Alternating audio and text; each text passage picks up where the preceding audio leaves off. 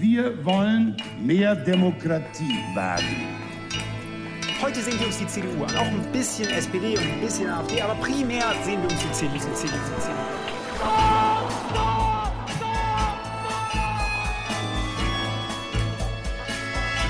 Niemand hat die Absicht, eine Mauer zu errichten. Ich weiß, ich habe heute Morgen in den Spiegel geguckt und dachte, wer ist denn die Hotte Bitch? Werden schon in wenigen Jahren blühende Landschaften, blühende Landschaften geworden sein. Früher waren wir Lametta. Wir haben so vieles geschafft, wir schaffen das.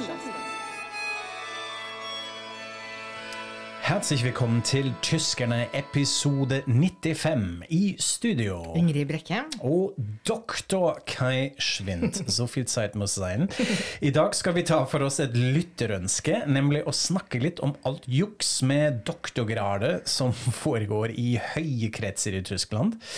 I Språkspalten skal vi tilbake til et tema vi har snakket om før, nemlig likestilling i språket. Noe nytt har nemlig skjedd der. Men først til doktorgradsjuks.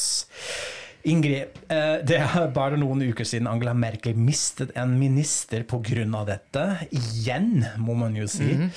Fortell, hva skjedde? Jo, det er da familieminister Franziska Giffey som gikk av i mai etter eh, juks med doktorgraden, eller en form for eh, plagiat. Eh, hun har da doktorgrad i statsvitenskap fra Freie universitet i Berlin i 2010. Og dette er en veldig lang og kronglete historie. Alle disse doktorgradshistoriene er egentlig det. Men i hvert fall, eh, noen hadde mistanke, doktorgraden ble granska, men i fjor så sa universitetet at nei da, den holdt mål. Så ble det mer klaging, ny kommisjon. Så eh, sa Giffi at hun skulle slutte å bruke doktortittelen. Så gikk hun av i mai, og i juni så ble graden tatt fra henne. Men likevel, hun er sosialdemokratene sin kandidat til å bli borgermester i Berlin. Og det er jo valg i Berlin samme dag som det er valg til forbundsdagen i september. Lykke til i valgkampen Ja. med dette. Så dette er altså den tredje eh, statsråden Merkel eh, mister pga. doktorgradsjuks. Og den aller mest omtalte det var jo Carl Theodor zu Gutenberg i 2011. Um, han var forsvarsminister, og dette var et enormt uh, rabalder. Uh, og så, et par år etterpå, så var det da eh, Anette Chavan, også hun eh, kristelig demokrat. Eh, og litt pikant er det vel at hun dessuten var utdanningsminister. Eh, og ble da tatt for dette, en sånn plagiatsaffære. Og hun eh, hadde sin eh, doktorgrad fra universitetet i Düsseldorf. Og grunnen til at vi snakker om dette nå, det er egentlig mest fordi en lytter, en lytter som dessuten støtter oss på Patron, eh, tusen takk for det, eh, skrev til oss. Eh, og han skrev Som nysgjerrig statsviter har jeg lagt merke til en gjennomgående problematikk rundt tyske politikere og personer med høytstående verv, som har juksa med doktorgrad, CV og lignende. Er det fordi Tyskland har ligget så langt tilbake innen digitalisering, og at nå er opplysninger rundt CV og akademiske av, avhandlinger mer tilgjengelig enn før? At man kanskje tidligere satsa mer på at ingen skulle oppdage det. Så hva tror du, Kai? Er det digitaliseringa som gjør at vi får disse sakene nå?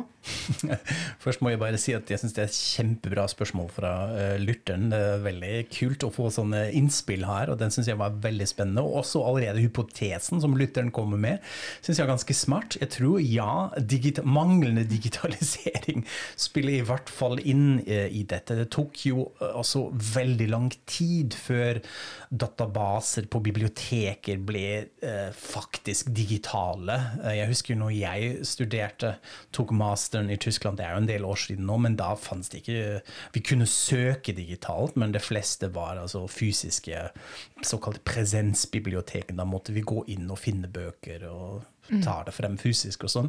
Så det tok veldig lang tid, så holdningen der er sikkert jo, jo, greit, hvem, hvem er det som skal sjekke dette her? Eh, Så en viss arroganse kanskje eh, rundt det. Men det andre er jo kanskje også hvordan utdanningssystemet fungerer i Tyskland, eller har fungert, må vi jo si. Altså disse sakene her er jo eh, dreier seg om doktorgradsavhandlinger som er en del år gammel. Så de er eh, skrevet og laget i, i sin tid, hvor kanskje det var litt mer uoversiktlig hvordan disse ble til. Jeg tok jo min eh, doktorgrad her i, i Norge, eh, og var litt sånn overrasket positiv hvor eh, strukturert og standardisert dette var med tanke på krav, altså med veiledersystemet, eh, og hvordan de jobbet sammen. At man også hadde en slags veiledning av veiledere. Eh, det har vi selvfølgelig i Tyskland òg, at det fins veiledere. Dette, de fine ordene 'doktor fata' eller 'doktor mutter', altså de som skal ta ansvar for det. Men det er veldig ofte mer en sånn faglig veiledning, som ikke nødvendigvis går så mye på forskningsetikk eller vitenskapsteori og sånne ting, hvor vi i hvert fall har blitt kurset eh, veldig. Eh, og så må man jo si at dette er ganske påvirket av hva slags akademisk tradisjon og faglig område man tar doktorgrad i i Tyskland. Altså at det er forskjell på fag og på universiteter? ja, absolutt. Det er veldig avhengig også, ja, som du sier, institusjonene selv, hvordan dette blir stødd, eller sånn fachbereiche og sånn ulike avdelinger og departementer. Nå må jeg si at jeg, at jeg er ganske sikker på at dette har også forandret seg litt. At dette er mer standardisert og mer strukturalisert enn en del år siden. Men dette er altså hva, i hvert fall hva det gjelder alle disse her, de kandidatene, mye mer preget av en sånn Har man f.eks. tilknyttet et uh, allerede eksisterende forskningsprosjekt hvor man litt sånn klistrer på en doktorgrad som man kan ta, eller er det en, uh, en doktorfate som trenger litt hjelp med et prosjekt, og litt sånn lansere et underprosjekt som da blir til en doktorgrad, som man litt sånn fikser litt mer med seg, blant seg selv. Så jeg har fått inntrykk at det har skjedd veldig mye uh, på denne måten, hvor man da ikke var så nøye på hvordan de ble til, for å har si det blitt litt. mer Ja. standardisert. Nå, ja. Mm. Nei, fordi eh, det med digitalisering, det er jo også noe med at under den Gutenberg-saken, eh, som jeg fulgte kjempetett, fordi jeg var jo eh, da korrespondent, og dette ble jo skrevet om hver eneste uke i jeg vet ikke hvor Ja, ja. mange måneder. Det var en enorm skandale. Mm. Og han kjempa jo veldig imot. Han var jo forsvarsminister og mente at nei, dette var ikke noe problem. Så det gikk liksom fra å ikke være noe problem til å være bare en total eh, skandale. Og han endte jo med å Ikke bare gikk han av, men han flytta jo til USA. Så det var big deal. Og han ble jo tatt av en sånn uh, nettgjeng, som man kanskje kan kalle det, som kalte seg mm, Gutenberg-plagg den gangen. Som altså drev og kjørte doktorgraden hans gjennom eh, nettet for å se på klipp og lim-strukturer. Og eh, etter han så fortsatte de, og nå heter de Vroni-plagg. eh, Oppkalt etter dattera til Edmund Stoiber eh, i Bayern, altså som var statsminister i Bayern, som også hadde noe muffens med sin doktorgrad. Men nå har de vel tatt sånn nærmere 200, tror jeg, doktorgrader eh, på denne måten. Sånn at det er jo eh, eh, blitt en slags Alle som er politikere, vet at de kan bli utsatt for dette. Men jeg, jeg syns også vi skal nevne at det er veldig forskjell på hva de forskjellige har gjort. da, fordi Ja. at Gutenberg, det var jo helt Altså det var jo ikke bare det at han hadde plagiert litt her og, og litt der, men det viste seg jo til slutt at han hadde jo ikke skrevet doktorgraden sin selv. Han hadde jo hyra inn folk som skrev den for han, og de hadde jo da liksom drevet litt sånn klipp og lim som ikke han hadde noe kontroll på. Og det er jo en helt annen verden enn da uh, Anette Chavan, uh, utdanningsministeren, som mest, tror jeg, sånn som jeg husker det, ikke hadde helt klart for seg hva som er riktig sitatpraksis. Så det er jo et hav av uh, ulikheter mellom de forskjellige typene juks, da. Ja, det er jo det. Og jeg husker dette også fra eh, bekjente som tok ulike grader innenfor juss, at det er f.eks. en litt annen tradisjon der. Sånn apropos forskningsetikk. eh, Det var mange som fortalte meg når de skal sette seg på biblioteket for å skrive oppgaver og sånn, så er det veldig vanlig at man åpner en bok, og så er det sånn svartete passasje der inne. altså Hvor andre har litt sånn radert ut eller svartet ulike paragrafer og ting, så andre ikke finner de og kan bruke de. Man saboterer for medstudentene sine? Du sine. Saboterer kommilitonene dine, så dette er eh, Nå er det litt anekdotisk her, det skal, skal jeg si, men kanskje det peker litt på eh, ulik eh, forskningsskikk og etikk innenfor de fagområdene. Da. Men hvorfor er da disse doktorgradene så viktige for tyskerne at man jukser og tuller og tøyser, da? Ja, det er virkelig litt interessant, og da spesielt med politikere, ikke sant, at det er så viktig for dem. Og det første jeg må, må tenke på når du sier det sånn, er et veldig sånn berømt, kort TV-øyeblikk hvor altså Helmut Kohl, en tidligere eh, forbundskansler, eh, skal intervjues. Og jeg tror også det var rett etter han tapte valget i 1998, og en journalist eh, skal altså spørre han Herr Kohl, jeg har et spørsmål, og så avbryter Kohl han og sier et øyeblikk. Dr. Kohl, so viel Zeit muss sein. Og så fortsetter det seg. Ja, beklager. Og så sier Kohl jo, jo, jo, det er viktig. Jeg har ikke lyst til å være uh, intim med, det, med de. Så svarer journalisten nei, det har jeg ikke lyst heller. Så vi kan høre på det korte klippet her på tysk. Tut Ihnen der Schulterschluss, Für Sie bin ich nicht der Kohl. Herr Dr. Kohl, So, äh, wir wollen ein bisschen Ordnung zwischen uns reinbringen. Herr Dr. Kohl, tut Ihnen, Ja, das will ich. Ich Tut Ihnen möchte keine tut Ihnen- Intimität mit Ihnen haben. nein, habe ich auch, möchte ich auch nicht. Så det er veldig viktig med de doktorgradene, men hvorfor det, spurte du jo meg. Ja, ja, godt, godt spørsmål. Jeg tror at det er liksom flere ting. Det ene er kanskje at den eh, klassiske akademiske tradisjonen av å være en intellektuell med et slags vitnemål, med en slags grad, fortsatt rangeres så innmari høyt uh, i Tyskland. Altså, det er jo litt avhengig uh, hvor man beveger seg, i hva slags kretser kanskje, og man har jo selvfølgelig også den skepsisen mot en sånn akademikerelitisme og sånn, det fins jo også, men samtidig uh, ser det ut som det er et sånn slags krav skal du delta eh, i samfunnet på kanskje litt høyere nivå, så har du en slags grad, og gjerne en doktorgrad. Eh, den får du.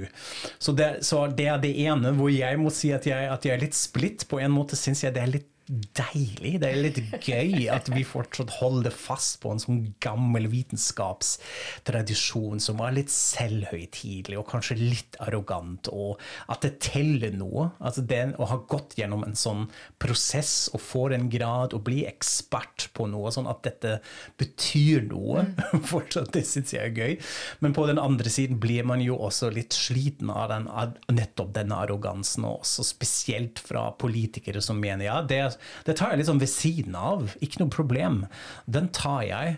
Jeg husker nå nylig i Marcus Lands eh, politiske talkshow som vi har snakket om før, satt Michelle Friedmann, eh, en eh, veldig kjent tysk TV-programleder og politiker og sånn, vi skal sikkert snakke om han eh, en gang litt mer, eh, som da bare nevner etter han hadde missa en jobb og ikke var på TV lenger, så tok han doktorgrad i jusfilosofi. Bare skrev en avhandling, og så ble han ferdig med det. Det ble bare nevnt i en sånn bisetning, og dette var litt sånn viser litt til nettopp det. Ja, ja, det er så lett, man bare tar det. Eh, og jeg tror det er det som provoserer, og også provoserer meg iblant, at uh, det antageligvis ikke er noe problem i det hele tatt uh, å ta en doktorgrad, men det må være krevende, og det skal ta tid, så så lett kan det ikke være. Nei, og dette er jo noe som Altså, den her doktorforfengeligheten til tyskerne, det er jo noe vi nordmenn elsker å gjøre narr av og le av og sånn. Og spesielt da det at det faktisk er noen som er doktor-doktor, det er jo også veldig artig. Eh, men jeg ser i hvert fall blant mine Facebook-venner så er det jo en del eh, akademikere som også kjenner litt til det tyske systemet, og, og der blir det jo påstått at eh, en del av disse tyske doktorgradene virkelig er lettvektere. At det er sånn at man kan ta en doktorgrad på to år, mens i Norge så trenger man minst dobbelt så lang tid og sånn. Men er, er det sant dette, eller er det en slags myte, eller var det før, eller? Ja, altså som sagt, Nå har jeg ikke helt oversikt over dette uh, i dag, men jeg vet jo at dette var i hvert fall veldig avhengig blant av ulike universiteter eller institusjoner og sånne uh, avdelinger og departementer uh, og fakulteter hvor man kunne f- seg det litt sånn blant seg selv, og det gikk an å få eh, en, en doktorgrad på plass i, i, løpet av noen få år, og i hvert fall eh, mange færre enn det er vanlig her. Så dette var en slags praksis, men som sagt, det må vi, gi, må vi si for uh, ærlighets skyld, eller hva det heter, eh, at dette er veldig avhengig av hvor man står. Og i dag, det ser vi jo også, har Tyskland begynt å gå over mye mer til et sånn, mot et sånn globalisert akademisk system med bachelorgrader og studiepoeng og sånn. Det tok jo lang tid før det var på plass, men da er det jo stort sett i dag. Jeg klarte i hvert fall eh, nå som vi skal Fordi vi skulle snakke om dette, så um, klarte jeg å finne en statistikk over eh, politikerne, da. Fordi det er jo gjerne politikerne som blir avslørt på dette. Altså hvis du jobber i et lite privat firma hvor det står doktor på skiltet, så tror jeg ikke så mange som gidder å sjekke det. Um, men i hvert fall um, I forbundsdagen i dag uh, så har uh, omtrent 82 av de som sitter der, har en Hochschulabschluss, altså en, en høyere utdannelse. Og i befolkninga samla sett så er det 18 Ja, Så de er altså, dette er ikke spesielt representativt, må man jo si da. Og de som er underrepresentert, er jo selvfølgelig da alle de som ikke har høyere utdannelse, og som har yrkesutdannelser og sånne Ja. ting. Um, og omtrent 17 av eh, de som er i forbundsdagen, er doktor. Um, og så er det uh, litt mer enn 2 som er habilitert. Og da må jeg spørre deg, Kai, men hva er habilitert? Det har jeg liksom aldri helt skjønt. Ja, habilitert, for å si det veldig enkelt, det er på en måte en egen prosess du kan gå gjennom for å bli professor. Enda en slags godkjennelse, en sånn slags uh, disputas, habilitasjon, jeg klarer ikke å uttale dette ordentlig, eh, for å bli professor, som har én vei til å kunne bli professor. En annen mulighet er å bli oppnevnt. Så det finnes ulike på en måte, rangeringer rundt hvis man er veldig sånn konservativ, hva slags type professor du har blitt. Men er du habilitert, da har du i hvert fall jobbet på det, og det er en slags kvalitetssikring eh, rundt det, så da er det ikke noe juks. Det er ikke noe juks. Ja. Men vil du gjette da hvilket parti har flest habiliterte? Oi, ok, ja, det er interessant. Uh, flest habiliterte. Det må jo være eldre folk, uh, vil jeg si. Jeg tipper på CDU. CDU-CSU. Nei, det er altså AFD. Okay. AFD har 5 eh, habiliterte i sine eh, rekker. Ja, ok, Og det er da fordi det er gamle menn, for det meste sikkert, som faktisk har gått gjennom det Altså, tradisjonelle det. systemet. Ja. Okay. Jeg ville gjette det at dette er de er eldre, og, det, og de er menn, og, Ja. Og har da denne høyere utdannelsen. Så, eh, og mange kommer jo, det er jo relativt mange også fra de østlige delstatene, Ja. eh, hvor man kanskje eh, har litt annen bakgrunn for hvorfor man valgte å gå til politikken. Ja. Eh, så ja, jeg, litt spekulasjon her nå. Det er veldig interessant. Ja. Men det er i hvert fall sånn det er. Og så når man ser på da, eh, i anførselstegn, bare vanlig doktorgrad, da er det de grønne. De har eh, 21% med Okay. doktorgrad. -hmm. men det er ikke store forskjeller mellom partiene her. altså det Gjennomsnittet er jo 17 eh, Og lavest er De Linke med 13% Men alt dette er jo mye høyere enn en gjennomsnittsandelen. Eh, altså i, hvordan det står til i befolkninga. Og eh, det er jo også mye høyere enn i Norge. Altså, ikke I sant? Norge er det vel eh, Jeg prøvde å Det var litt vanskelig å finne sånn helt sammenlignbar statistikk, men jeg fant i hvert fall noe hvor det, man kan se at i Stortinget har 67% en eller annen høyere utdannelse fra universitet. Eh, Så det betyr vel da at du har et grunnfag eller mer, eh, og hele veien opp liksom, til doktorgrad. Men det er jo også litt interessant at det er faktisk litt vanskelig å finne ut, fordi dette er ikke noe som på en måte føres samme type statistikk over eh, som i Tyskland. ikke sant? Det er rett og slett ikke så viktig her. og Jeg husker dette når jeg begynte å, eh, å ta doktorgrad, eller rett før, og skulle litt sånn sende ut søknader og sånn. Og når jeg da fikk svar fra ulike professorer rundt omkring her i Norge, så var det jo en helt annen tone i disse e-postene. Da fikk jeg litt sånn hei, og så undertegner de med Arild, hilsen Arild, og sånn, og jeg var helt satt ut, fordi dette var jo en professor i medievitenskap, hvordan går det an? Så dette viser jo det, mens vi er ganske stolte av å fronte våre doktor, doktor, eller professor, doktor, doktor. Jeg må innrømme, jeg har også gjort det når jeg bestilte flybilletter. Det kan man jo, da får man jo muligheten, ikke bare å være her eller fra, men også kunne velge stilling. Og da har jeg også valgt, eh, valgt doktorsvinn bare for å ha det på flybilletten. Jeg kan jo da avsløre at jeg har norske venner som har valgt doktor på flybilletten uten å være doktor, da. Ja, ja. Se, det er derfor jeg reiser alltid med min avhandling. Men um, jeg tenker jo litt det at um, for en som meg, da, som ikke er i nærheten av å ha noe doktortittel, det går jo faktisk an å kjøpe. Uh, ja. Jeg tok en liten googlings her nå før, jeg, før programmet, og Ja. da googla jeg også doktorarbeit Nei, doktortittel Kaufen. Og vips, fire nettsteder rett opp. Seriøst? Eh, ja, ja, hvor man kan kjøpe doktortitler. Eh, eller adelstitler, da. Så jeg ble jo litt mer sånn ja ja, hvis jeg først skal kjøpe noe, så vil jeg kanskje heller være grevinne. Eller hva syns du om Freifrau von Brekke? Eller kanskje er det best å avstå? Det er Ja. faktisk straffbart. Ikke sant? Jeg skulle nettopp si dette er jo ikke legalt. Hvordan går det an at man kan at det kommer opp sånne tjenester og sånn? Dette er jo litt Men jeg tror det er eh, litt forskjellige varianter. Fordi det, er, det er litt forskjellige varianter, fordi man kan faktisk f.eks. Jeg husker det var en del snakk om noen sånne uh, rare steder i Tsjekkia. Ja. Hvor du må dra dit, og du må være i kontakt med en eller annen akademiker ved en institusjon, og så får du et diplom, og så er du doktor. Og da tror jeg det, det er vanskelig å ta deg for det, fordi det er fra en offisiell institusjon, og da er du doktor. Du vil jo ikke få jobb på det. Ja. Ikke sant? Men, men disse adelstitlene, det er liksom noe annet, da, for det, det har man jo oversikt over. Eh, og så tror jeg også at det, Jeg vet ikke hvor mye de ville straffe folk fordi de jåla seg til altså Det handler jo om, kanskje mer om at du utnytter det til vinning. ja, det gjør det. Ikke sant? Hvis jeg sier at jeg skal holde foredrag og jeg er doktor, og så er jeg ikke det, da er jo det verre enn hvis jeg skal holde foredrag og er fra ifra. Nei da. Jeg syns du skal begynne å bruke Freifrau von Brekke når du skal holde foredrag. Det blir veldig fint. Alle dere andre tar en ordentlig doktorgrad. Ikke juks. An, auf, hinter, in, neben, über, runter, fortzischen.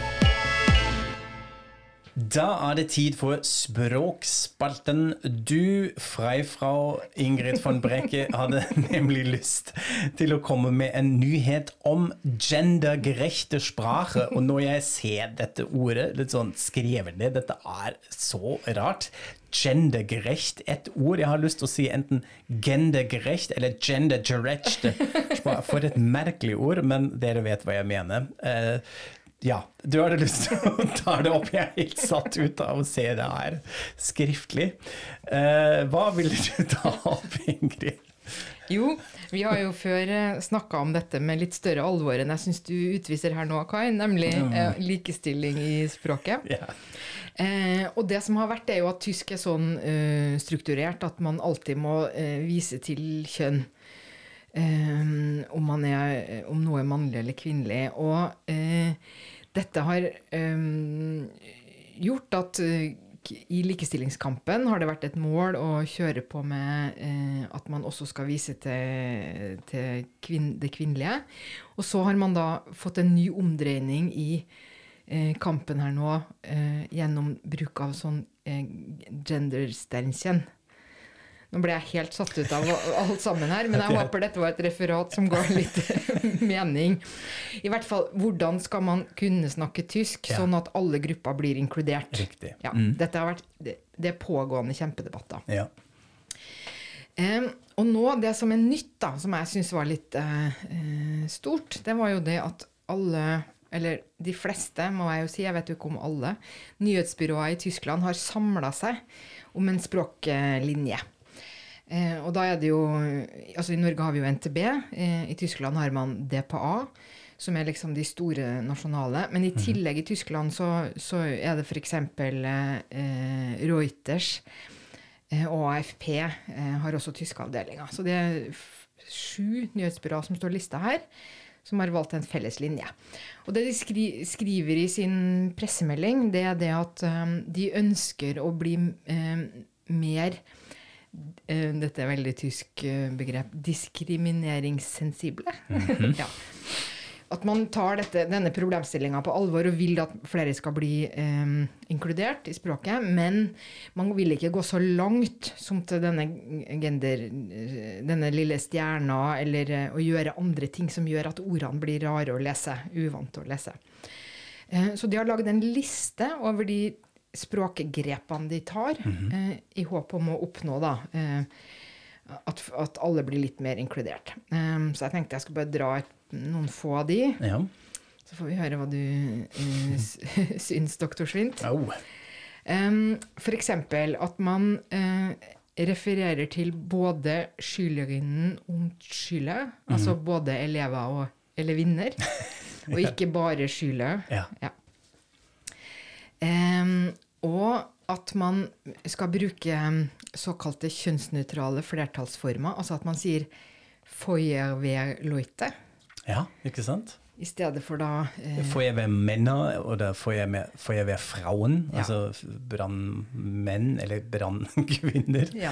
ja, Lloyd er jo egentlig litt snedig at vi har det. Altså sånn folk har det kanskje vært det Ja. norske, ikke sant? mm, folk, Ja. eh, eller noen bruker jo også mennesker, altså mennesken, eh, iblant. Eller personen. Litt rart å si 'får jeg være mennesken'? Men 'får jeg være Lloyd' er jo faktisk eh, etablert, så det er en god idé. Mhm. Og så, eh, nå kjenner jeg gram grammatikkunnskapen min kommer litt til kort her, substantiverte partisipper. Mhm. Men eksempelet er da de studierenden. Ja. Mhm. Altså at man sier de studerende i stedet for studenter og studentinner. Mhm. Og dette er jo eh, faktisk standard i de fleste universiteter og høyskoler Ja. nå i dag. De sier de studerenden beginnen med dem Herbstsemester am og sånt. At man bruker det. Eh, Det er ganske utbredt, vil okay. jeg si. Ja. Mhm. Så det er også en mulighet å kunne uh, unngå det kjønnsgenderingen av de ordene. Ja. Mm, ja. Og litt mer uh, krøkkete grammatikkspråk. Syntaktiske løsninger. Okay. Wer raucht, hat eine kürzere Lebenserwartung. I stedet for da Raucher haben eine kürzere Lebenserwartung. Og her tenker jeg, ble ikke dette litt eh, vanskeligere, nesten? Eller? Ja det, ja, det vil jeg også si. Det, fordi da må de på en måte, ja, det er det de mener med syntaks. At man forklarer handlingen. Altså hva det personen gjør, som da ble til brukt eh, i setningen. Det er nesten det er litt sånn barnslig, oh, ja, syns det jeg. høres barnslig ja. Ja. Uh, ok, godt forsøk, men jeg tror den har, ja, som du sier, den er kanskje mest krøkkete. Akkurat det. Og så sier de jo også at um, eh, de kommer til å følge med. ikke sant? At dette gjør de nå. De kan ikke gå så langt som mange skulle ønske. Også fordi at det er jo ingen av de mm, formelle språkinstitusjonene i Tyskland som har gått så veldig langt enda. Eh, og det vil være for lite eh, Altså det, det er ikke naturlig for eh, store nok grupper enda Ja. å, å gå lenger enn dette, er argumentasjonen. Men de skal følge med og, og utvikle seg videre, da. Ja, det er veldig fint, egentlig. Jeg, jeg må si at jeg er litt sånn eh, overrasket. Altså, dette er jo veldig avhengig av hvor man står i denne debatten. At eh, de nyhetsbyråene som påvirker språket så mye, eh, egentlig ikke tas med stilling, da. Altså at de ikke er med i spissen av denne forandringen. Eh, Det er jo kanskje det fordi de, de mener det går for fort, eh, men det er igjen avhengig av hvor man står. Men det, dette hadde jo hatt en slags påvirkning. Hvis de hadde blitt enige om at vi faktisk skal gendere språket nå, så, så gjør vi det. Så hadde man vant seg mer til det, kanskje. Ja, men Det tror jeg du har rett i, men jeg, men jeg tenker mer at jeg syns at de har gått ganske langt nå. Fordi jeg vet jo, som journalist så vet jeg akkurat hvordan sånne byråer og store aviser og medier som tenker. Det er ikke jobben å være avantgarden. Ja. Man skal ikke være foran. Man skal prøve å bruke et språk som flest mulig ikke reagerer på. Ja, okay. Eller som er mest mulig på en måte representativt, eller følger liksom litt Ja. sånn hovednormen. Eh, og derfor så syns man vel ikke at man kan gå lenger, da. Ja, Det er et godt, eh, eh, interessant poeng at det er en slags sånn tredje vei. At man egentlig har vært ganske konstruktiv. Vi har sånn tatt debatten med og kommet på noen løsninger, men vi har ikke landet på en side. Ikke gendere eller genere fullstendig. Ja, det er sant. Ok. Kanskje det er sånn sett den beste måten å gjøre det akkurat nå. Vi er jo i en sånn overgangstid uh, med dette. Jeg må jo si altså Hver gang den debatten dukker opp, så skjønner jeg bare at jeg er Jeg klarer ikke å engasjere meg eller bli så triggert som mange andre ble det. Jeg er litt sånn Bare fortell meg hva dere ble enige om. Uh, Så, så gjør vi det. Og så blir jeg litt provosert av hvor provosert folk kan bli.